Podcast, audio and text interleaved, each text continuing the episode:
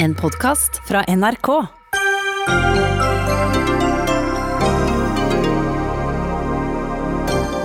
Noen har så vidt begynt å gjøre det. Å fly utenlands. Fra i dag av kan vi reise til mange land uten å havne i karantene. Men myndighetene driver med dobbeltkommunikasjon, sier filosof Henrik Syse. For luftfarten er det derimot langt ifra mange nok som flyr. Krisen rammer oss hardest, sier flyselskapene, og ber om støtte, ikke bare lån. Naturvernforbundet sier de slettes ikke er noe selvfølge at luftfarten og flybransjen skal nå de gamle høyder. Sammenslåtte kommuner skulle spare oss for millioner og byråkrater. Nye tall viser at byråkratiboomen har vært størst nettopp i de sammenslåtte kommunene. Nikolai Astrup, statsråden, møter Trygve Slagsvold Vedum fra Senterpartiet til debatt. Og en brutal avhørsvideo bør etterforskes som tortur, mener SV. Videoen viser ingen verdens ting, sier tidligere justisminister Per-Willy Amundsen fra Frp.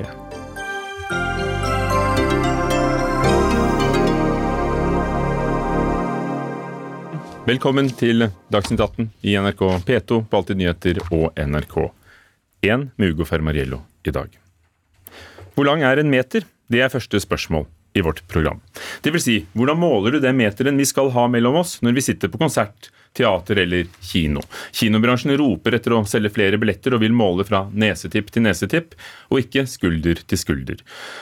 For nå kan vi jo sitte side om side på bussen eller trikken eller toget i timevis, men på kino må det altså være fortsatt to seter i praksis mellom oss. Guttorm Petterson, direktør i Film og Kino, kinobransjens eget forbund. Hvilke konsekvenser får det for dere? Nei, Det blir dramatisk. Det gjør jo det, fordi det reduserer kapasiteten på kinoene til ja, en tredjedel og under det. Og det gjør det lite attraktivt for en del produsenter og distributører å gi film til kinoene. og uten ferskvare så, så sliter kinoene. Men nå er det vel litt uh, lys i vente. Dere har akkurat hatt møte i ettermiddag med kulturministeren, med Helsedepartementet, og nå skal Helsedirektoratet vurdere hvordan det skal være. Hvilke forhåpninger gjør du deg? Nei, Vi har forhåpninger om at man nå går tilbake til å måle denne NS-tippen, uh, og ikke skulder til skulder. Dette ble jo praktisert faktisk på kinoene fra kinoene åpnet den 7. mai og fram til 18. juni så seks uker cirka, så kjørte kinoene med, med Nestip til Nestip. Uten at det var noe problem. Så, Inntil Helsedirektoratet strammet inn. og Hvorfor gjorde dere det, Espen Rostrup Nakstad, fungerende helsedirektør? Nei, eh, meg bekjent så var vel det mer en presisering enn en innstramming, egentlig. Eh, fordi det var en meter mellom personer som var eh, var regelen. Og så har vi forståelse for at den ble praktisert litt ulikt, særlig de første ukene. Så, mm, men det er klart, det som vi gjør nå, er at vi, vi har for det første hatt et godt møte i dag, hørt på innspill fra sektoren. Vi forstår veldig godt denne problemstillingen. Og så har vi fått et oppdrag fra departementet om, som kom i går, om at vi skal se på dette, hvordan dette kan praktiseres. Og så er det et arbeid vi rett og slett går i gang med. Hvorfor er det farligere tydeligvis i, i, Norge enn i Danmark, hvor de da har praktisert eh, nese til nese og ikke skulder til skulder? Du kan si at eh, Strengt talt så kan denne sykdommen smitte også på to og tre meters avstand. Eh, og Vi hadde jo to meter før faktisk som en regel i Norge, og så gikk man ned til én meter rett og slett av praktiske hensyn. At Hvis folk skal kunne fly i Norge og bevege seg, så, så klarte man ikke å ha to meter som en hovedregel, så da blir hovedregelen minst én meter. Og så er det en del unntak fra den regelen, eh, og det har mange gode grunner for seg at man har sånne unntak. Eh, og så må vi nå vurdere om det skal gjøres noen tilpassinger eller eh, ut fra praktiseringen av det i forbindelse med kulturarrangementer. Og jeg kan ikke forskuttere hva vi kommer til å lande på der, men vi kommer i hvert fall til å gi et helt konkret råd basert på innspill bl.a. fra Folkehelseinstituttet når vi sender over det til departementet. Mm. Og der kommer du fra, statssekretær i Helse- og omsorgsdepartementet, Anne Grete Erlandsen fra Høyre. Forstår du at kulturbransjen etterlyser logikken i at vi kan sitte overfor hverandre og side om side på offentlig transport, men ikke i en kinosal, hvor de til og med vet hvem som har kjøpt billetten og kan ringe dem hvis noen skulle være blitt smittet? Mm. Nå har vi møtt eh, representanter fra kulturbransjen. Det er to viktige ting som jeg har med meg. og Det ene er at det er en profesjonell bransje som vil være med på å bidra i den dugnaden vi fortsatt er nødt til å ha. Eh, og det andre er at alle aksepterer énmetersregelen. Alle syns det er en god regel, og den skal de være med på å videreføre. Så det syns jeg er et veldig godt uh, grunnlag. Uh, og nå har vi da bedt eh, Helsedirektoratet sammen med Folkehelseinstituttet, og med innspill fra både kultur og tros- og livssyn og alt det som hører med på det, for å få en eh, vurdering av er det mulig å se på hvordan vi gjør det rent praktisk. Men rent praktisk, altså alt dette skjønner vi jo når du sier det sånn, men hvorfor er det sånn at på offentlig transport så kan vi sitte ved siden av hverandre nå, men ikke på et sted hvor det til og med er kontroll på, på smittesporing. Ja, Nå var jeg på Knerten og lillebror sammen med barnebarna mine her om dagen. Og jeg har sjelden fått så mye informasjon om hvordan jeg skulle forholde meg i forhold til smittesituasjonen i Norge. Men hvis du tok bussen ned til den kinosalen Det gjorde jeg jo ikke. Men hvis du hadde gjort det, ja. så hadde du risikert å bli smittet, men man hadde aldri jeg, funnet ut hvem som men, satt ved siden av deg. Men uh, når jeg tar bussen, så er jeg i hvert fall på de bussturene jeg tar, den er veldig kortvarig. Når jeg tar et tog, så tar det faktisk halvannen time, og der er det ikke side om side på toget. Sånn at det er forskjell på det.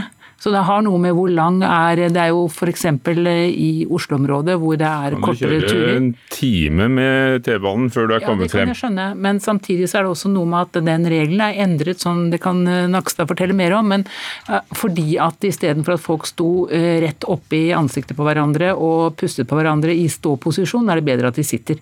Så det er den siden der. Men det som er viktig nå i dag, det var jo kulturarrangørene. Eh, og jeg skjønner at de eh, trenger forutsigbarheten sin for å kunne planlegge for framtida. Eh, og den nære framtida som er viktig for dem. Vi fikk gode innspill, men jeg har også, derfor var det viktig for meg å si at vi opplevde at de selvfølgelig er en seriøs aktør og som vil være med på dugnaden. Og så skal de være med på å gi innspill. Og rådene vi får, skal når, regjeringen se på. Og når ser dere på det? Når kommer det nye råd? Nå har vi bedt om å få rådene, og som jeg pleier å si, vi arbeider mye fortere nå enn vi noen gang har gjort i Norge på okay. sånne spørsmål. Ja, men, men, jeg tør ikke si når det kommer, men det, vi gjør det så fort som overhodet mulig. Guttum Petterson, uh, uansett så er det vel en ganske blodrød virksomhet økonomisk for tiden å drive kino. Uh, men uh, kan du nå bedre forstå at, hvorfor det er sånn på, på, på, på bussen og ikke hos dere? Eh, ja og nei. Altså, vi, vi, forstår jo egentlig ikke at det skal være en sånn, så stor forskjell på, på vurderingen av dette. Jeg skjønner at folk skal på jobb, at de må, må kunne transporteres til og fra osv., men, men sikkerheten er etter vår mening så god på kino at hvorfor man ikke kan med ett sete imellom praktisere det, det, det forstår vi ikke. rett. Er det være eller ikke være for dere, og dette gjelder jo også konsertarrangører og, og teatre som uh skal i gang etter sommeren? I høy grad. Ja, det er et være eller ikke være for veldig mange. Og det vi ser nå, er at når vi ikke får øh, ferskvare, altså når vi ikke får, får, nye filmer, så kan kinoen like gjerne stenge ned. Men det handler vel også om at øh, produsentene har utsatt premierene sine for det ikke er kinoer i USA eller andre steder? Det er helt riktig. Der er vi en del av, av verdensbildet som, som, gjør at vi ikke får amerikansk film før Situasjonen i Amerika går jo motsatt vei enn hva den gjør i, i, Norge. Men vi håper på å få norske store filmer, og det kan vi faktisk få hvis, hvis kapasiteten økes. Nakstad, assisterende helsedirektør. Hvorfor denne forskjellen på kollektivtransport og kulturbransjen, hvor det er mye bedre smittesporing?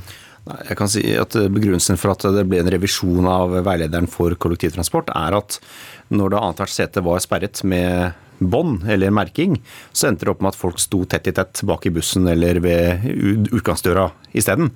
Og det var ikke noe gunstig smittevernmessig. Det var det minste av to onder? Det var litt det minste av to onder, faktisk, når man da måtte revidere denne her. Sånn at, og det er klart man finner mange sånne eksempler på at uh, hvorfor er det sånn der og sånn et annet sted.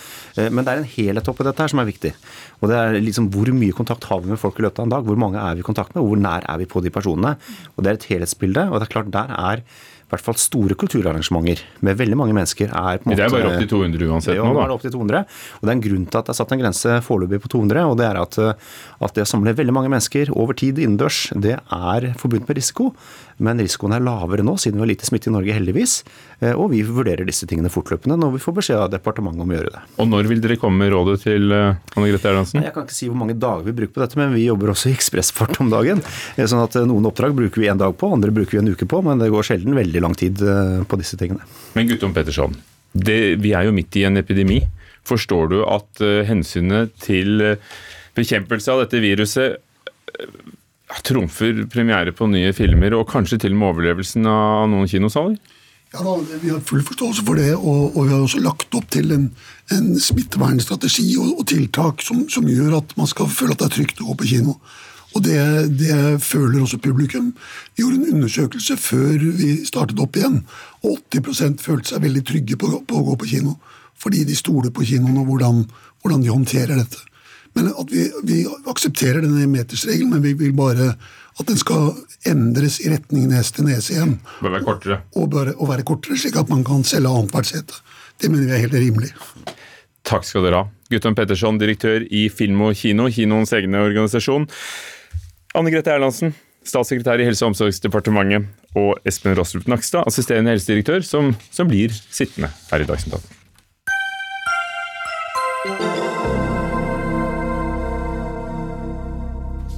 Skal du til utlandet i sommer? Tør du legge ut bilde av reisen i sosiale medier?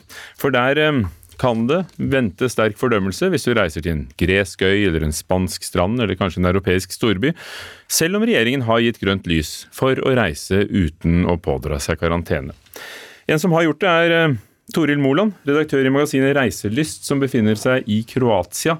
Eh, du sier at folk blir påført reiseskam for å reise ut i Europa. Har du merket det? Jeg tenker Først vil jeg si at regjeringen under store deler av den krisen har gitt utrolig gode råd og sørger for at nordmenn er veldig veldig trygge.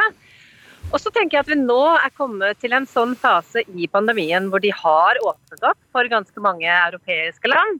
Eh, og da rimer det ikke helt at de sier ja, Europa er åpent, du kan reise hele tatt, du kan reise til Spania. Men vi vil helst ikke at du reiser. Og jeg tenker at dette det påfører folk en viss form for reiseskam. Og ja, du har rett i at det er litt sånn at folk ikke helt tør å legge ut eh, bilder på sosiale medier og vise at de faktisk er ute og reiser.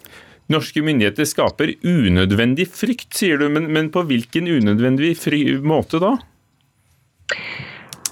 Eh, jeg tror nordmenn flest sitter med inntrykk av at det er veldig veldig farlig å reise. Eh, noe av grunnen til at vi reiser til Kroatia, er jo fordi det er min jobb eh, å se er det så farlig. Hvordan er det å reise, hvordan er det på flyene? Vi har følt oss veldig veldig trygge, faktisk selv i et land som da ikke er innenfor grensene. alle europeiske land, hele verden, jobber mot denne pandemien, men alle europeiske land har gjort en utrolig innsats.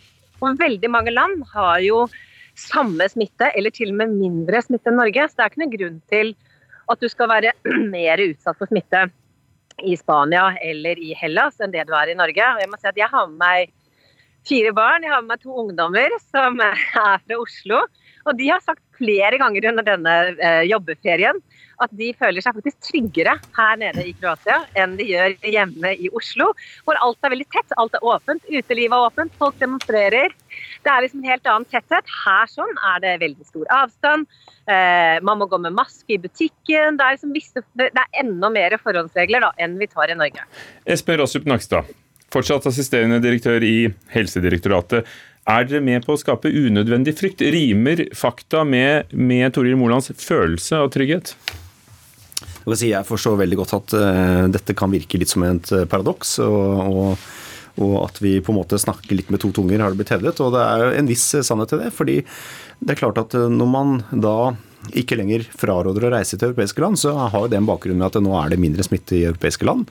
Og dette er jo et helhetsbilde som ikke minst er politisk i Europa, hvor land da er nødt på et eller annet tidspunkt å åpne opp mot hverandre. Man kan ikke på en måte leve helt isolert eh, over veldig lang tid. Og smittesituasjonen har blitt sånn at eh, stadig flere land eh, vurderer at det er forsvarlig å gjøre. Men samtidig så har da denne pandemien et bakteppe, og det er at smittebølgen som kom til Norge i februar-mars, skyldtes reisevirksomhet. Og i Norge så ligger vi kanskje på to-tre smittetilfeller per 100 000 over to uker nå. Mens i mange av disse landene som er grønne, så ligger det opp mot 20. Så det er fortsatt en ganske stor forskjell. og Da blir jo spørsmålet hvor mange reiser, og hvor stort volum blir det, og hva gjør folk når de reiser. Det er klart, eh, Dette utgjør en risiko som vi som helsemyndigheter må si noe om. Eh, men det betyr ikke at vi fraråder å reise. Det er mange gode grunner til å reise, men vi anbefaler heller ikke til stortidsstilt reising. Eh, og det må vi som helsemyndigheter kunne si. Henrik Syse, filosof og professor ved Bjørknes høgskole. Er det, er det dette du kaller dobbeltkommunikasjon? Ja, og dobbeltkommunikasjon kan være helt riktig noen ganger, det. Forrige gang jeg var i dette studioet her, så i en helt annen sak så prøvde jeg å dobbeltkommunisere, for jeg prøvde å si to forskjellige ting som jeg mente var viktig å si begge to, men det er ikke så lett. For da hører noen bare det ene eller bare det andre, eller kan bli forvirret av det. Jeg tenker på en annen debatt som har gått mye i det siste. Men, men, tenk på denne, med ditt trenede øre. Hva ja, hører du? Det er et veldig godt annet eksempel, men ok da, du er programleder. Eh, jeg hører det samme som jeg hører dersom det er dårlig vær om vinteren og det snør.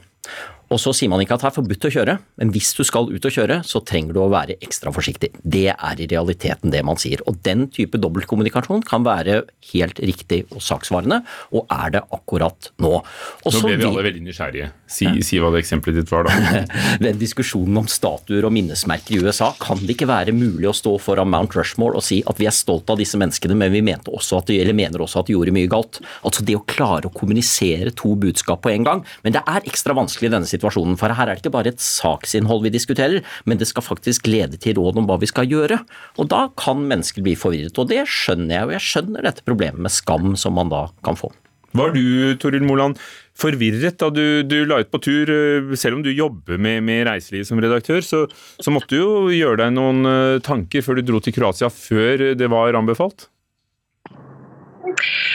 Ja, og dette viser jo egentlig hvor vanskelig det er. For da vi reiste, så var Kroatia innenfor. Og så har de hatt valg i Kroatia hvor de har sluppet opp grensene litt mer enn de skulle, fordi de gjerne ville ha kroatbosniere hjem eh, og serbere, kroatserbere hjem for valget.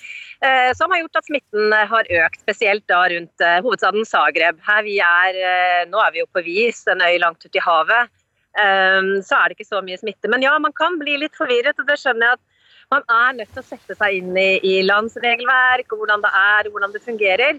Eh, men det aller aller viktigste er jo at folk er ansvarlige reisende. Så her skjønner jeg jo jeg skjønner jo Nakstad, jeg skjønner hva Henrik Syse sier. Men samtidig så tror jeg det er litt vanskelig for folk å, få, å, å forholde seg til liksom to ting på en gang. fordi det er... Men du sier Tore Moland, unnskyld at jeg avbryter, men jeg bare turer frem siden, eh, siden, det er litt forsinkelse her. Du sier at du føler deg tryggere, men, men kan du virkelig anbefale dine lesere å, å, basere reisevirksomhet på en følelse av trygghet? Er det ikke bedre med faktaene? Vi hørte at noen av de grønne landene har mer smitte enn Norge. Ja, noen av de grønne landene har mer smitte enn Norge. Men som jeg sier at her vi oppholder langs Dalmatia-kysten, så er det mindre smitte. Grunnen til at Kroatia har så høye tall, er fordi tallene er høye i Zagreb. De er veldig, veldig lave ute på øyrikene. Eh, det kommer også veldig an på hva man gjør. Vi har valgt å leie et hus, og stort sett være bare familien. Så har vi leid en seilbåt hvor vi bare er familien. Så derfor, det, det viktigste er jo at når man reiser, at man oppfører seg ansvarlig og velger, eh, tar, tar kloke valg. Det er det viktigste. Nakstad. Ja, og det, det, er jeg helt enig i, og det er det vi også ønsker å kommunisere. At eh, hvis man velger å reise til utlandet, så må man sette seg godt inn i situasjonen, eh, gjøre en vurdering av det, og, og oppføre seg på en måte som gjør at man i liten grad blir smittet. Og da skal man ikke ha dårlig samvittighet for å reise. Hvis man tar det ansvaret, og ikke minst hvis man kommer hjem og er syk og tester seg, Eh, så gjør man en god innsats til å forebygge smitte. sånn at Vi mener ikke at man skal verken ha reiseskam eller andre typer skam. Folk må gjøre gode vurderinger selv, og så må de ta et ansvar selv. rett og slett. Og Jeg tror vi har gjort noe riktig i Norge ved å starte med å være streng, og så begynne å løse opp. For da er det lettere å vite hva slags ansvar man skal ta og hvilke råd man skal følge. Land som har valgt det motsatte og var ganske uvage til å begynne med, og så må stramme inn, tror jeg er i en vanskeligere situasjon enn det Norge er. Og det å være forvirret, er det ikke det det er å, å være menneske? Å måtte foreta noen selvstendige valg uh, mellom motstridende råd og fakta? Livet består av paradokser, men det å da vite hvilket grunnlag man tar de valgene på, og det å da ha helsemyndigheter som vi kan stole på og lytte til, det er en forutsetning for å leve i de paradoksene. Så du syns det er brillefint med denne dobbeltkommunikasjonen? Altså vi får beskjed om at ja, du kan reise, men du bør kanskje ikke reise, fordi ja, sånn og sånn? Ja, i denne situasjonen, men den må kommuniseres på en måte som oppleves faktabasert, og som faktisk resulterer i noen råd, og det synes jeg jo dette faktisk gjør. Kristian Aansen, du er vår reporter og har tatt turen til Kreta. Hva sier de nordmennene du har møtt i dag? Er de ferieflaue? Føler de sydenskam? Nei, jeg vil ikke si at de gjør det, egentlig. De jeg har snakket med, sier selv at de har eh, vurdert dette ganske godt, og at de har egentlig også vært litt usikre før de skulle reise i det hele tatt. Eh, men de, de har påpekt selv at de har tatt sine forhåndsregler. De har enten leid leiligheter, leid hus eh, og kjører egne biler. Og så er det jo litt sånn som dere ser bak meg også. Det er veldig få mennesker her. Det er også veldig rolig. Det er god plass Hvordan er det der du er? Hvor er du? Det, nå står jeg utenfor Hanja, og det er veldig få mennesker. Det er, som de beskriver, helt i begynnelsen av sesongen, selv om det er høysesong. Dette er langt unna sånn det pleier å være her i Anja. Det er god plass på, eh, mellom bordene. Det er lett å få seg en, eh, en, en plass i baren. Eh, men det er kanskje viktig å få med seg også at smittesituasjonen har økt de siste eh, ukene, og eh, faktisk doblet seg fra juni til juli. Eh, I dag så kom de siste tallene som viste at 28 personer har blitt stoppet på flyplassene som er turister på, med påvist eh, korona.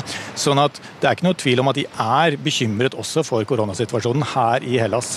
Vi hører bølgesuset. Det er, eh, eh, det er en riktig avstand mellom stolene på stranden i, Hellas og på Kreta, hvor du befinner deg, Kristian Aansen.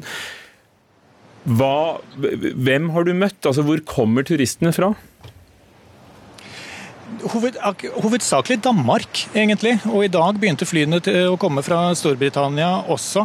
Men eh, det er mange dansker her nede, eh, og noen nordmenn. Eh, til uken så er det varslet at svenskene kommer nedover, og så i slutten av måneden er det amerikanere. Sånn at Hellas har åpnet opp mer og mer for turister. Og det er de som driver hoteller og restauranter her nede ganske glad for, for det er turisme de lever av. Og da, Espen Rostrup Nakstad, kommer nordmenn til å sitte side om side, selv om det kanskje er en meter mellom dem, i beste fall, med amerikanere og svensker. To av landene som er hardest rammet av covid-19. Hva sier du da? Nei, Jeg sier at eh, det er selvsagt også en faktor i, i risikovurderingen her, som vi tenker på. Ehm, nå skal det sies at De fleste som drar på reise, de er friske når de reiser. Eh, og Det er ikke bare i Norge man har hatt strenge regimer og strenge smitteverntiltak. Det har man lært seg i alle land i verden, ikke minst Europa. Sånn at jeg vil, tror nok eh, norske turister i utlandet vil, eh, vil, oppleve at man er vel så streng i utlandet som i Norge i det offentlige rom. Og det er bra. Det er en sikkerhetsmekanisme, det også. Og, men så er det som det blir sagt her, situasjonen endrer seg litt, og man må følge godt med. Og det må den enkelte gjøre. Blir du oppgitt av at uh, noen velger å, å, reise? Nei, jeg tenker det er, folk har ulike grunner for å reise. Noen har tungtveiende grunner, noen har uh, mindre tungtveiende grunner. Men nå er det åpnet opp for reising til Europa fordi det er lave smittetall. Det er en politisk beslutning, den er tatt i mange land. Uh, og da er vårt ansvar å påse at det skjer på en så trygg måte som mulig, og at ikke det medfører noen ny smittebølge i Norge. Og da sier vi det vi sier ut fra hva man skal tenke på, og ikke minst når man kommer hjem, hvordan man skal forholde seg. Henrik Syse, som filosof, å reise eller ikke å reise, er det et moralspørsmål for tiden? Det er det også. Så er det et praktisk spørsmål. Jeg tror det er veldig riktig det som Nakstad sier her, om at bevisstheten er ganske stor etter hvert i veldig mange land. Så nå er vi del av en sånn felles dugnad, og hvis man da først bestemmer seg for å reise, så vil det dukke opp en del også moralske spørsmål om hvordan man oppfører seg. Det kan man ha alkohol og en del andre ting å gjøre, hva slags steder man, man, oppsøker. Men eh, jeg tror at her er det den eh, filosofen hver enkelt har i seg selv, og ikke en eller annen filosof som sitter i Dagsnytt 18 man skal spørre. Den enkelte skal gå litt inn i seg selv og spørre klarer jeg å følge disse reglene, er dette ansvarlig, har jeg lyttet til rådene?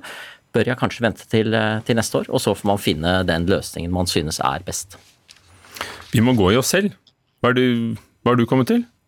Jeg var faktisk en liten tur i København sist uke med DFDS-båten, men jeg fulgte absolutt alle regler, altså, så jeg har ikke skam for det. Nå er ikke skam det verste man kan føle i livet, noen ganger kan det være helt riktig å være litt skamfull, men akkurat det synes jeg vi taklet ganske bra. Takk skal dere ha, alle sammen. Toril Moland, som var med fra Kroatia, fra magasinet Reiselyst. Espen Rostrup Nakstad, assisterende helsedirektør. Henrik Syse, filosof og professor ved Høys Bjørknes høgskole, og vår egen reporter på Kretia, Christian Aanesen.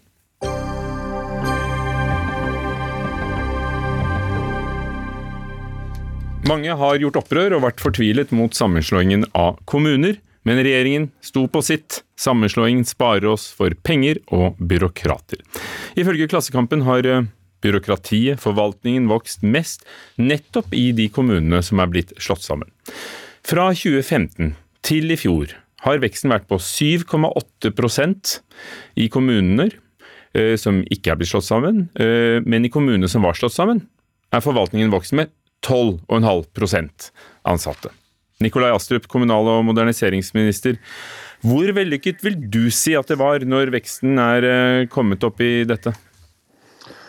For det første så var jo De aller fleste kommunesammenslåinger de trådte i kraft 1.1.2020, så de tallene som det vises til her, de sier egentlig veldig lite om kommunesammenslåing som sådan. Men det tallene viser, det er jo at det har vært en sterk vekst i antall ansatte innenfor helse- og omsorgssektoren, nesten 20 000 flere, og innenfor grunnskolen med nesten 7000 flere. Så det har vært en styrking av tjenestetilbudet i norske kommuner. og Det skyldes jo bl.a. at kommunene har fått bedre økonomi de siste årene. Og det har gjort det mulig for dem å ansette flere og styrke tjenestetilbudet. Og så er andelen administrative ansatte omtrent den samme eh, i 2019 som det den var i 2015. Da, eh, men at når man styrker tjenestetilbudet, at det også kommer noen flere i administrasjonen for å administrere disse tilbudene, det er ikke så rart. Og da, Trygve Slagsvold Vedum, leder i Senterpartiet, er det vel ikke så mye å slå alarm om som du, du gjør i Klassekampen i dag, når det er sånn at de fleste av disse nyansatte øh, bedriver øh, tjenestevirksomhet? De, de, lærer opp barna våre, de passer på, passer på folkene våre? Ja, men De 5000 som er omtalt i Klassekampen i dag, det er byråkrater. altså administrasjonen, administrasjonen av norske kommuner. og Kommunereformen har vært veldig byråkratidrivende. Det har vært masse prosesser. Karttegning, navnediskusjoner, prosesser med hvordan man skal bygge sammen ulike kulturer. Og I tillegg til de direkte byråkratiårsverkene som kommer fram her, så er det enormt med konsulenter. Hvis du begynte å ta alle konsulentrapportene, konsulenttjenestene som har vært i tillegg, så har du fått mange flere, mange tusen flere, det er jeg helt sikker på. For det har vært en sånn konsulentbonanza i norske kommuner etter at eh, Erna Solberg satte, satte i gang kommunereformen i, i 2013. Og så sa jo regjeringa at det her var for å effektivisere, gjøre ting mer effektivt og så bedre. Men så ser vi at det er byråkratiserende. Det er blitt tredd nedover på hodet på folk, og det blir dårligere løsninger. Og Astrup må jo gå inn i seg sjøl, når Erna Solberg og Monica Mæland sa før kommunevalget at eh, nei, kommunereformen skal gå videre. At uh, over halvparten av landets kommuner er for små, altså alle kommuner under 5000. Her skal vi presses gjennom nye runder med kommunesammenslåing. Vi ser hvor dypt og byråkratiserende det har vært til nå. Så Jeg håper at Astrup tør å tenke noen andre tanker enn Erna Solberg og Monica Mæland og sier at nå er det nok kommunereform. La kommunen heller jobbe med kjerneoppgavene skole, eldreomsorg og tjenester nær folk, istedenfor nye sammenslåingsstudier. La, la, oss høre med ham med en gang du får ordet igjen, eh, Vedum. Nikolai Astrup eh, sjekket mens vi snakket her at Klassekampen skriver at denne sammenslåingen eh, på, har ført til altså 12,5% i kommun, vekst i kommunebyråkratiet. Altså ikke de lærerne du, du kom med i sted. Så hva har du å si til Vedum? Nei, det, jeg går gjerne i meg selv, jeg, men jeg forventer jo at uh, Senterpartiets leder går inn i tallene før han uttaler seg og kommer med den type kritikk. Fordi uh, kommunesammenslåingene i all hovedsak trådte i kraft 1.1.2020. Tallene viser utviklingen fra 2015 til 2019, og andelen administrative ansatte er omtrent lik. Noen av de kommunene som har hatt sterk vekst, er Senterpartistyrte kommuner. Han bør også gå i seg selv og se på hva er det hans parti og de kommunene han er med på å styre, kan gjøre for å redusere byråkratiet. Med det Vedum hele hele tiden gjør. Eh, eller Men, meg, Er byråkrati alltid et onde, da? Er det ikke flott at uh, vi har folk uh, som administrerer kommunene? De vet vel selv hvor skoen trykker og hvem de trenger? Jeg er jo helt enig i det, selvsagt. Jeg er for lokalt selvstyre. Men det som er veldig underlig, er jo at det som er veldig bra, er at Vedum plutselig nå er opptatt av eh, at vi må drive Kommune-Norge effektivt og se på hvordan vi kan jobbe smartere for å løse oppgavene bedre i fremtiden og gi innbyggerne enda bedre tjenester. For det er helt nye toner fra Vedum. Vedum har jo så langt vært opptatt av å konservere dette landet på norgesglass. Vært mot absolutt alle reformer og moderniseringer som kan bidra til å gi innbyggerne bedre tjenester. Han har ikke vært opptatt av å kutte i eh, byråkratiet i administrasjonen i kommunene. Og vi ser de kommunene som har sterkest vekst nå i eh, antall eh, ansatte i administrasjonen, det er Oslo, Bergen og Trondheim. Tidligere borgerlige kommuner som nå styres av rød-grønne partier. Trygve Slagsvold Vedum, du får ordet, og snakk høyt og tydelig inn i telefonen din, er du snill, for du var litt sprakete. Ja, eh, jeg er på bygda. det er dårlig mobildekning fra regjeringa. Men, poenget er at det er jo, kommunene har blitt pålagt mange av de sammenslåingsprosessene. Og både de kommunene som har blitt tvangssammenslått og de som ikke har gjort det, har blitt pålagt eh, veldig byråkratiprosesser. Enhver kommunepolitiker rundt omkring i Norge vil si de har brukt masse tid på det, de må ha adjektive ressurser på det.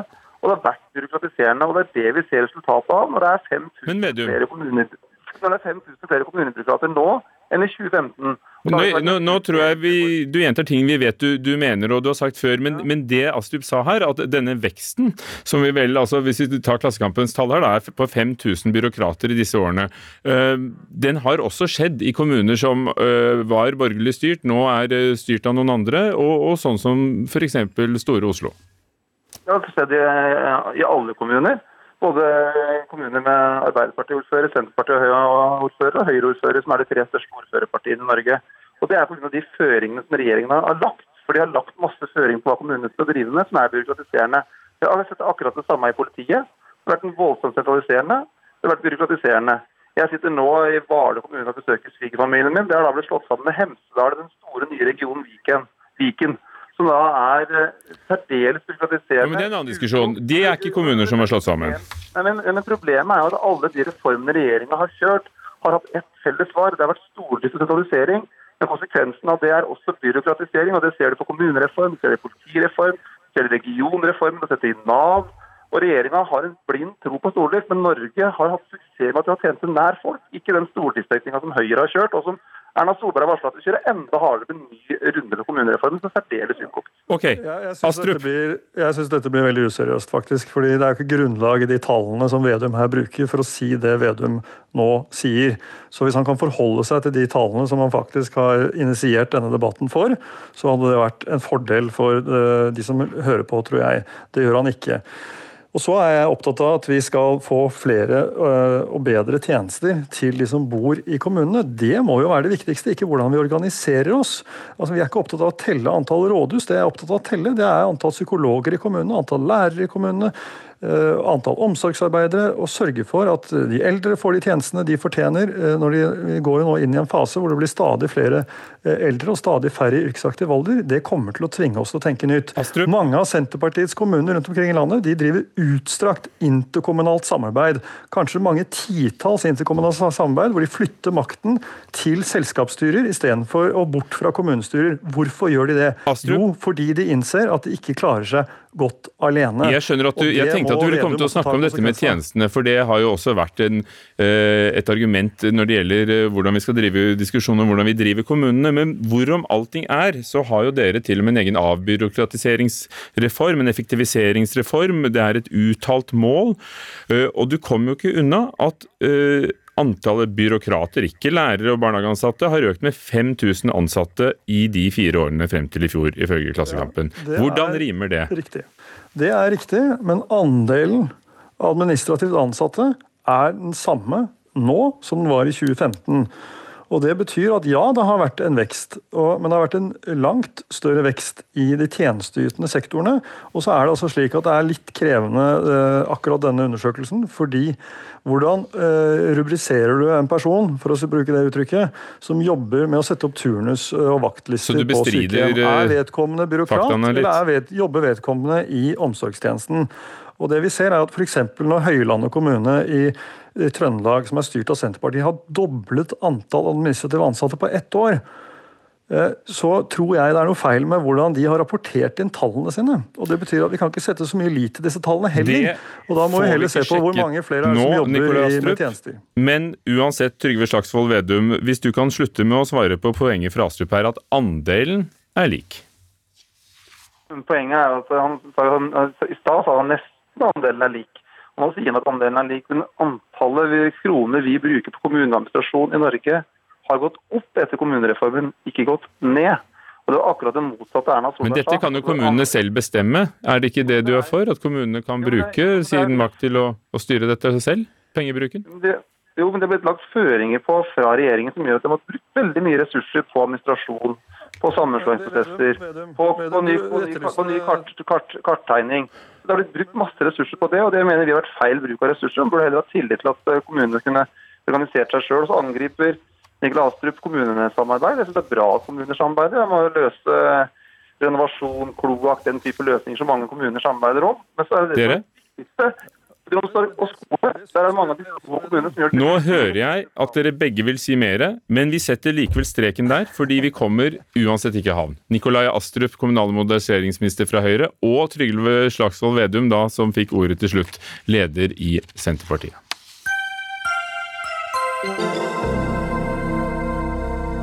Skal kjøtt, meieriprodukter og andre matvarer merkes med trafikklys, rødt, gult eller grønt ut fra hvor dyrevennlige produktene er laget. Det eh, gjør allerede Dyrevernalliansen, men eh, Landbruks- og matdepartementet mener det er helt unødvendig, og den debatten tar de her i Dagsnytt 18 senere i sendingen. Hundrevis av norske fly er blitt satt på bakken etter eh, koronarestriksjonene ble innført 12. mars. Skjedde det? Milliarder av kroner renner ut av flyselskapene. Tusenvis er permittert, folk venter fortsatt på refusjon for billettene sine på reiser de aldri fikk gjennomført, og samtidig vokser gjelden og er i ferd med å ta knekken på SAS, Widerøe og Norwegian. Ja, særlig SAS og Norwegian. Eh, Torbjørn Lothe, administrerende direktør i NHO luftfart. Du varsler konkurser, og om ikke myndighetene kommer på banen, hvor mye penger trenger flyselskapene for å overleve krisen? Ja, eh, Norsk luftfart trenger mye penger. Eh, nå renner pengene ut. Vi har gjort noen overslag som viser at omsetningstapet for en seksmånedersperiode etter at koronakrisen satte inn, kan utgjøre en 14-15 milliarder kroner. Eh, så vil selvfølgelig selskaper kutte mye kostnader, og har kutta mye kostnader, men vi snakker likevel om betydelige eh, økonomiske tap for bransjen. Og Det er en bransje som i utgangspunktet har svak økonomi, bl.a. fordi staten har tatt inn 7 milliarder kroner i flypassasjeravgift de siste åra. Og kanskje fordi de har ekspandert litt vel mye med, med fly de ikke eide? og satset tungt? De har ekspandert en god del, men eh, hvis det er Norwegian du sikter til, så har jo de konsolidert de siste par åra og etablert seg sterkere i Norge og mindre internasjonalt, nettopp for å konsolidere økonomien, og var på plass med det nærmest, og har foretatt en betydelig restrukturering i økonomien. Eh, som gjør at de har en helt annen situasjon i dag. Ja, og bare så det er sagt, Vi spurte både SAS og Norwegian om de ville komme selv, men de var veldig fornøyd med at NHO representerer dem. Men, men så nå vil dere ha støtte, og ikke bare lån? Vi mener det er helt nødvendig for å sikre en norsk luftfart og en norsk infrastruktur at man går inn med kontantstøtte, sånn som man har gjort til resten av norsk næringsliv. Og sånn som vi ser at en god del andre land ute i Europa nå gjør. De går inn og oppkapitaliserer en rekke selskaper i Tyskland, Italia, i Frankrike. Til og med amerikanerne gjør det.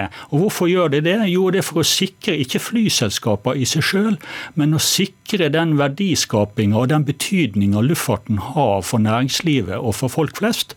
Og er det et land i verden som har behov for luftfart, så er det Norge. Eh, fordi vi er så langstrakt. Vi har fjorder og fjell, og vi har behov for å reise ut i verden når det her en, eh, kommer på plass igjen. Derfor er det viktig at vi tar vare på, på norsk luftfart. Går et norsk selskap over ende, så er det ikke det som en frisør at det dukker opp en ny en på hjørnet i neste uke. Da er flyselskapet borte, kanskje for godt. Og da er det andre gribber i sivet, for å si det sånn, som vil ta over det markedet, og kanskje ikke betjene det norske markedet sånn som vi ønsker. Holger Slapitz, fagsjef i Naturvernforbundet. Dere er jo for hjelp til næringslivet, men eh, ikke at flyselskapene skal få milliarder av kroner til å, å drive. Hvorfor ikke? Skal de bare gå konkurs? Nei, altså det er viktig å redde det næringslivet som uh, du peker på, men uh, her snakker vi om en bransje som har høye klimagassutslipp, og vi må kutte raskt og mye. og Da er det ikke bare å pøse ut penger. Da må vi i så fall stille veldig strenge krav til at bransjen omstiller seg. Og det er helt greit for oss å bruke penger på å støtte flyselskapet til å fly ruter som er nødvendige, som Torbjørn Lote peker på. Det er, det er behov for flytrafikk i det langstrakte landet, men det er veldig mye flytrafikk som som ikke er i den kategorien, og som flyselskapet også har satsa mye på, med stor risiko. F.eks. Norwegian på langrutene sine, på satsing på innenriksmarkedet i Argentina. Er det riktig at norske staten skal bruke milliarder av kroner på å bare pøse penger inn, eller skal det være en mer målretta innsats? Og Det er det siste vi ønsker. Og Hva ville ditt mål, Naturvernforbundets mål, vært hvis dere skulle anbefale en innsats? da? Altså For det første så må eh, vi sørge for at uh, bransjen omstiller seg, og da må du få klare betingelser om å kutte utslipp. Vi mener at bransjen må kutte like mye som resten av samfunnet, altså minst halvere innen 2030. Og Det må da være en betingelse for all støtte at bransjen går med på et sånt krav. Og Da kan ikke bransjen fortsette å vokse tilbake til 2019-nivå. Ville dere gått med på et sånt uh, krav i luftfarten? Altså Air France fikk krav på seg om å kutte klimagassene med 50% innen 2030? Jeg tror ikke vi er så veldig uenige om målet. Luftfarten må så... så du kunne gått med på et sånt krav? ja, Jeg kan ikke her og nå garantere 50% eller 55% eller hva det måtte være, men jeg tror vi faktisk er enige om at luftfarten må på sikt bli karbonnøytral og etter hvert eh, karbonfri. Ja, Men det er lenge til de elektriske flyene svirrer over oss, Ja, tror du ikke det Det er, mange, det er mange tiltak på veien, bl.a.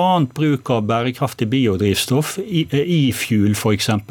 Man forsker nå og utvikler hydrogenløsninger, og det er masse hybridløsninger. Det, det er mange Petter Smarter rundt omkring i verden som nå driver og utvikler den type løsninger. Men det som er viktig, det er at vi har en næring som er finansielt skodd til å ta i bruk og være en pådriver på å bruke ny teknologi og klimavennlig teknologi. Og hvis våre selskaper blir feid over ende pga. korona og effekten av korona, da har ikke vi noen norsk industri å satse på som kan nettopp Men er være det en norsk industri når eh, et norsk selskap da satser på øh, på langruter som ikke er i hvert fall viktig for den norske infrastrukturen, selv om vi ikke behøver å stille spørsmålstegn ved folks motiver for å sette seg på flyet. Det er ingen som stiller spørsmålstegn med Hydro og Equinor osv. som satser internasjonalt. Poenget er å bygge opp ja, men poenget er å bygge opp. Ja, men Poenget er å bygge opp en stor nettverksvirksomhet som skaper stordriftsfordeler og et effektivt trafikksystem. og Det er vi faktisk avhengig av. Sunnmøringen skal til Brasil og til Australia og selge produktene sine. og Har vi da god mobilitet, så er vi mer konkurransedyktige som nasjon. Det er ekstremt viktig å ta vare på næringslivet. Men tror du ikke at, at en lønnsom rute vil noen komme og betjene likevel?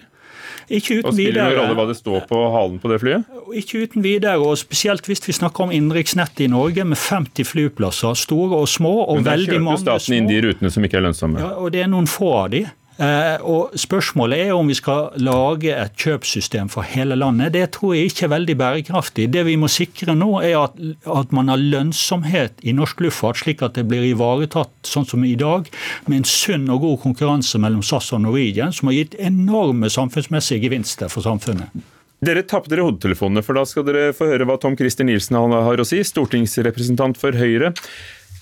Hva hjelper det, Nilsen, at flyselskapene tilby, blir tilbudt mer gjeld av staten og ikke får den støtten som andre næringer får? Altså jeg tror jeg vil si at Det hjelper selvfølgelig et selskap å få et statsgarantert eh, lån. Det gjør at lånekostnadene blir billigere og at uh, sikkerheten blir, blir, bedre. Samtidig er det jo en karikert måte å fremstille det på at det er det som er det eneste tiltaket som har blitt gjort i forhold til flysektoren. Bl.a. den passasjeravgiften som vi nettopp snakket om. Den er jo er fjernet foreløpig. Uh, og den blir fjernet med virkning fra, fra tre måneder før koronakrisen kom. Samtidig flyr i dag uh, selskapene uten avgifter på norske lufthavner. I tillegg har staten kjøpt ruteproduksjon fra selskapene for å dekke opp i, i den tiden vi, vi, nå har vært i, i tillegg til, til andre tiltak. Så Til sammen så er det gjort en relativt betydelig pakke overfor norsk luftfart, i tillegg til lånegarantien. Som du som mener er støtte. Men ville det i det hele tatt vært mulig for staten å gi støtte til norske flyselskaper? Altså Ryanair vil jo ta disse støtteordningene rundt omkring i Europa for EU-domstolen og mener de er konkurransevridende? Ja, altså Det kan være utfordrende. fordi Gir du støtte til en, en, så er jo i prinsippet slik at du skal gi støtte til alle. eller i prinsippet så er jo dette forbudt. Nå er det slik at I forbindelse med koronakrisen så er det gjort noen endringer i regelverket. Og, men alt vi gjør vil være avhengig av en godkjenning fra ESA for å kunne gjøre det. Um, Så er jo det selvfølgelig, som sagt, det er en spesiell situasjon nå, og det har gjort at det har blitt åpnet for uh, noe mer tiltak.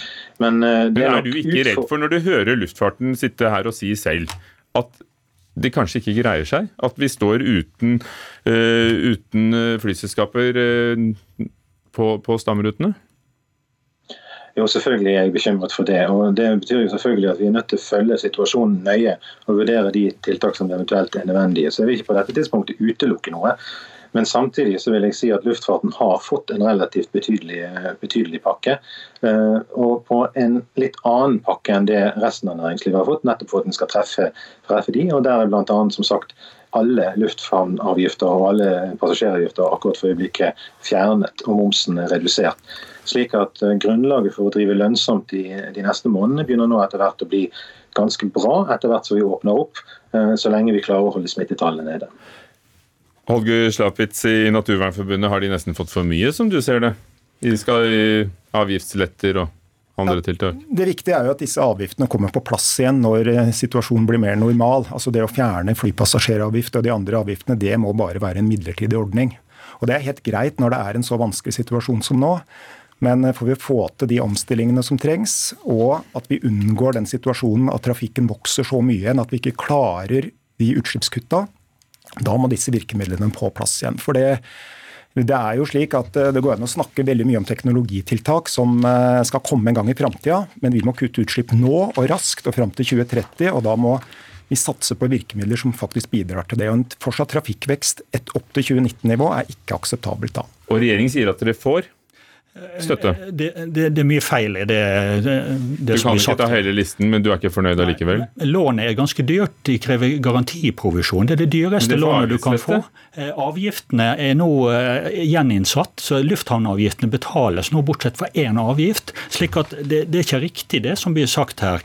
Og Den kjøpsordninga det beviste, den dekker kostnadene ved produksjonen. Det, har ikke noe, det vi er på jakt etter, det er at man får kompensert det økonomiske tapet som følge av smittevernregler restriksjoner og reiserestriksjoner som myndighetene sjøl har iverksatt. Den det, debatten får vi fortsette. Det har, det har Takk skal dere ha. Det har norsk næringsliv. Takk skal dere ha. Torbjørn Lotte, NHO Luftfart, Holger Slavitz, Naturvernforbundet og Tom Christian Nilsen, Høyre-politiker. Hør Dagsnytt 18 når du vil. Radio NRK Radio.nrk.no.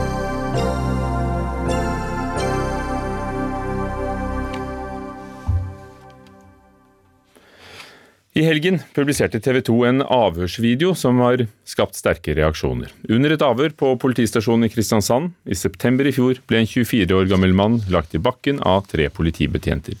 Denne filmsnutten viser også at en av politimennene legger armen rundt halsen hans, og Spesialenheten etterforsker saken nå. Petter Eide, stortingsrepresentant fra SV. Hva ser du når du ser denne lille filmen? Jeg ser en dramatisk situasjon, og jeg ser eh, en politimann som går til angrep eh, under avhør på en person som blir eh, avhørt. Og Hvis det er riktig den mistanken vi får, så er dette en ulovlig handling. Og det er riktig at dette blir etterforsket grundig, for vi ønsker ikke at politiet skal bruke Eller vi, politiet skal ikke bruke vold under avhør, det er forbudt, og det gir også upålitelig informasjon. Per-Willy Amundsen, stortingsrepresentant fra Fremskrittspartiet, tidligere justisminister. Ser du noe kritikkverdig i videoen? Jeg har det svært vanskelig for å kunne mene verken det ene eller det andre basert på de sekundene med video som TV 2 har eh, valgt å publisere. Hvordan man får tak i den videoen, kan vi selvfølgelig bare spekulere i. Men det som jeg reagerer aller sterkest på, det er at eh, TV 2 valgte å gi eh, fri leide til en yrkeskriminell som har begått svært mye alvorlig kriminalitet både i Norge og Storbritannia. Det opptrer som eh, et rent mikrofonstativ, der han fikk komme med til dels alvorlige anklager mot norsk politi. Det være seg både antydning i retning av rasisme, maktmisbruk og lignende, uten at det ble eh, imøtegått. Det syns jeg er svært eh, dårlig av TV 2. Ja, men nå, nå, nå, kan vi ikke diskutere TV 2 fordi ikke er de her. og Det vi snakker om nå er eh, skal dette etterforskes eh, faktisk som tortur. Det er jo det SV og Petter Eide her sitter og, og, og krever. Men, men, Petter Eide, jeg vet ikke hvor han har vært i sommer. Min gode kollega Petter Eide har muligens oppholdt seg en plass hvor det er mye sol. For han har åpenbart fått solstikk når han eh, klarer å karakterisere dette som i hermetegn tortur, for det er en svært spesiell påstand. Jeg klarer ikke å lese det samme ut av den samme videoen som vi alle har sett. Eh, og jeg vil advare sterkt mot å forhåndsprosedere og på en måte trekke konklusjoner basert på noen sekunder med video, og dermed også eh, stigmatisere en politimann, kanskje ødelegge hans karriere eh, og håper å si, trekke konklusjoner i offentligheten. Det vil jeg advare sterkt imot. Jeg bare nevner eksempelet Ali Farah-saken hvor en ambulansesjåfør ble hengt ut helt urimelig. Eh, og det viste seg i ettertid, og beskyldte rasisme, og det viste seg i ettertid at eh, de ikke hadde grunnlag for den uthenginga, og Dagbladet ble til og med uh, dømt for ærekrenkelser og måtte betale flere hundre tusen. La oss høre med, med Petter Eide. Altså, her blir, sier vedkommende at det var et tilfelle av rasisme. Burde det vært imøtegått? Først, altså Disse betraktningene om SV og min ferie og sånn er på en måte helt på sida av denne saken. Så vi får, holde, vi, får, nei, vi får holde oss til saken. Um, og jeg påstår heller ikke at det har foregått uh, politivold her. Jeg sier at dette må etterforskes som mistenkelig og ulovlig politivold. Det må etterforskes. Jeg konkluderer ikke på det. Er det ikke det opp til påtalemyndigheten å avgjøre det? Jo, selvfølgelig. Og jeg sier at de skal gjøre det. Uh, De skal etterforske det. Uh, Og så får de legge, hvis, de finner, hvis de finner grunnlag for det, så får de legge fram den saken for, for en domstol. Hvis det også er slik, og jeg forstår at mange er opptatt av det, at det også ligger et type rasistisk motiv bak denne volden, ja, så må det også etterforskes. Jeg forstår at veldig mange er bekymra for det akkurat i vår tid. Vi har sett mye om det fra, eh, fra andre land, men da må det motivet også etterforskes. Jeg påstår ikke dette, jeg sier at det er grunnlag for å etterforske det. Skal Men er du ikke fornøyd? Spesialenheten ser jo på saken nå. skal vi ha tillit til norsk politi, så skal ikke dette skje. Ikke sant? Eh, Og heldigvis er det sånn, jeg må si det, programleder, heldigvis er det sånn at norsk politi er veldig, veldig skikkelige. De er i verdensklasse når det gjelder profesjonelle avhør. Og profesjonelle avhør foregår uten vold, fordi norsk politi vet at det å bruke vold under avhør eh, er ulovlig, men det fremkaller også upålitelig informasjon. Derfor er det veldig viktig at denne saken eh, etterforskes veldig grundig, og litt underlig at tidligere justisminister bagatelliserer det. Amundsen, til og med politimesteren i, politimesteren i Agder sa til TV 2 at, at handlingen på videoen ble vurdert såpass alvorlig at den umiddelbart ble oversendt til Spesialenheten. Er du da uenig med politimesteren? Foretok eh, politimesteren en feil vurdering? Du klarer ikke å sette meg opp mot politimesteren hvis du forsøker deg på. Det jeg sier, det er at for det første, A. Nei, Vi behøver ikke gjøre det, men mener du at ikke denne handlingen ser så alvorlig ut at det er riktig at det ble sendt til Spesialenheten? Det er rutine i saker som dette. Det vet også Peter Eide utmerket godt. Vi har et ekstremt godt system i Norge for å håndtere eh, saker måtte, hvor det måtte være tvil om politiet handler riktig. Vi har, en, vi har eh, Spesialenheten for politisaker som vil følge dette opp, og det vil bli ivaretatt gjennom systemet. Det har jeg full tillit til, og det forstår jeg også at eh, heldigvis Peter Eide har. Eh, det som er viktig å understreke, er at den, denne saken kommer altså opp når vi gjennom flere måneder har hatt oppslag på oppslag med såkalt rasisme.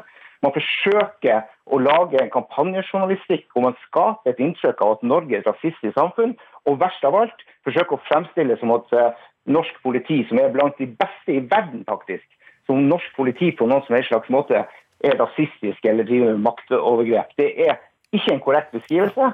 Men, men per Williamsen, eh, ja, per Amundsen, altså med all respekt. Nå er det du som drar inn rasismedebatten i dette. Dette handler faktisk ikke om i utgangspunktet om rasisme. Dette handler om maktmisbruk og muligens vold fra en politimann. Og det er like alvorlig om det er mot en hvit, en farget, en svart eller en gul eller hva som helst. Det er like alvorlig uansett. Det er du som vrir dette til en rasismedebatt. Jeg forstår at du, jeg forstår at du ønsker det. Jeg eh, jeg eh, tar ikke opp dette i det hele tatt. Min, det jeg er opptatt av i denne debatten, det er å sikre at vi, at vi alle skal ha tillit til politiet, at det er likhet for loven, og at politiet ikke skal bruke ulovlige metoder under avhør. Ja, det er vi enig i, og det mener jeg at eh, vi gjør nå når Spesialenheten ivaretar det. Det er helt unødvendig for en stortingsrepresentant å klargjøre det. Det skjer helt uavhengig av hvorvidt jeg og der diskuterer dette.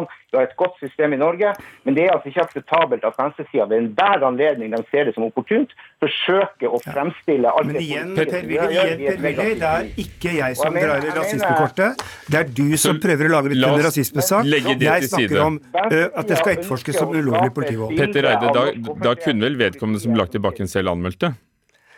Eh, Ja, det vet jeg, altså, det vet jeg ikke hvor, hvordan akkurat den, eh, den, metodikken, eh, den metodikken er. Vi har fått fram en sak nå, en video her, som, som gir mistanke om ulovlig politivold. Det er det vi skal fokusere på nå. Så får vi håpe at, politi, at Spesialenheten gjør jobben sin.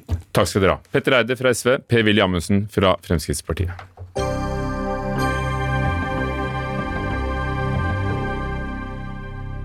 Nå finnes det en, en guide på nettet. Det blir en app til høsten som Dyrevernalliansen har laget. og Det gjør at vi eh, kan ta dyrevennlige valg mener i butikken. Det er trafikklys, rødt, gult eller grønt eh, på de forskjellige produktene. Det kan være en ost, det kan være en kylling, det kan være et kjøttstykke. eh, Og det gis avhengig av hvordan dyrene har hatt det. Live Kleveland, kommunikasjonsleder i Dyrevernalliansen. Hvorfor har dere laget denne trafikklysordningen? Det er fordi vi får så mange spørsmål fra forbrukere som lurer på hvordan maten deres er laget. Og vi får spørsmål som f.eks.: Kan jeg stole på at eh, kyrne som lager tinemelk ikke har stått på bås i mange måneder hvert år? Eh, kan jeg stole på at Priors egg ikke kommer fra burhøner osv.? Kan jeg stole på at maten kommer fra dyr som eh, har hatt god dyrevelferd? Og Derfor så har vi laget da en guide som skal være lett å bruke med trafikklys, hvor vi anbefaler eh, en god del matvarer som er listet som grønt. Eh, eksempelvis Kolonihagen gris, eh, eh Hovelsrud kylling og Nyr meieriprodukter. Og ja, for du vil gjerne legge vekt på de som får grønt lys, og så er det de som får rødt lys. Men eh, ja, Du skal få si mer om det, men Vidar Skogan, statssekretær i Landbruks- og matdepartementet, hva syns du om det? Nei, Jeg har jo karakterisert det her som et useriøst system. Og Det er jo fordi at eh, man, man, rødfarger på en måte all melk produsert i Norge eh, uten å ta hensyn til at hvert bruk er veldig forskjellig. Men bare du drikker melk fra Tine eller Kumeieriene, så bør du ikke gjøre det, for det har fått et rødt merke. Og Det andre som jeg mener er useriøst, er at man eh, om man spiser en gresk yoghurt produsert i Hellas, importert til Norge, så har den fått et rødt merke. Men hvis du produserer den på norsk melk fra ei seter eller fra frittgående kyr som er ute på beite, så får du det samme røde lyset. Så dette er et system som ikke gir forbrukerne et reelt valg om å velge dyrevelferd. Og avslutningsvis så er det jo sånn at norsk dyrevelferd er på verdenstoppen. Vi har et strengt regelverk, vi har et kontrollsystem, og dyrevelferd er veldig enig. Så der er jeg veldig enig med Dyrevernalliansen. Hvor grundig går dere inn før, i sakene før dere gir disse kodene? Det vi har gjort, er at vi har eh, brukt kjente velferdsfaktorer for hvert enkelt dyreslag. F.eks. For, for kylling så har vi lagt stor vekt på om de er av en saktevoksende rase, om de har god plass. Eh, ting som er viktig for de dyreslagene. Men Dere kan jo ikke besøke hver eneste gård, hver eneste, hvert eneste hønsehus? Det vi gjør, er at vi selvsagt ikke tar utgangspunkt i enkelttilfeller, men det, den lovnaden som merker merkevaren gir til forbrukeren. Så dersom merkevaren lover f.eks. at uh, kyllingene har hatt bedre plass, da legger vi vekt på det.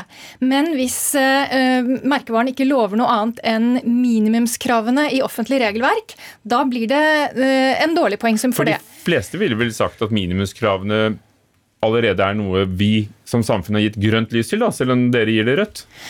Samfunnet har bestemt minimumskrav for dyrevelferden, som i mange tilfeller gir norske dyr en dårligere velferd enn i andre land.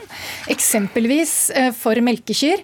Over 40% av norske kyr står tjoret på bås mange måneder i året, mens i andre land, som f.eks.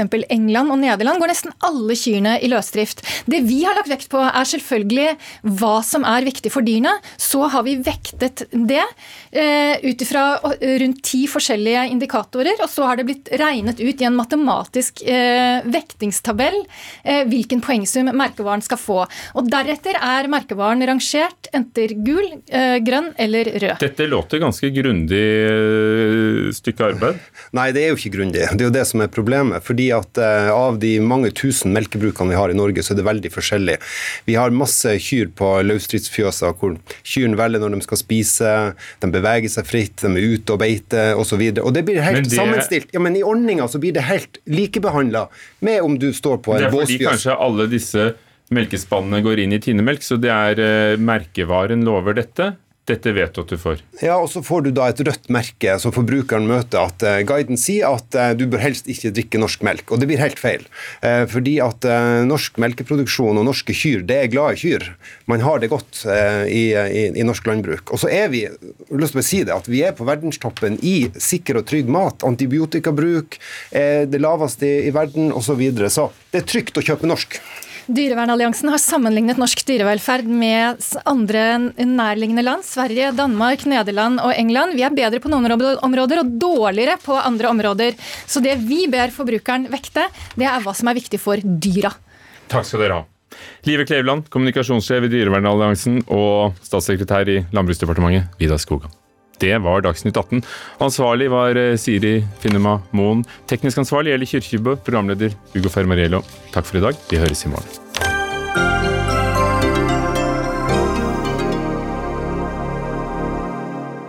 Du har hørt en podkast fra NRK.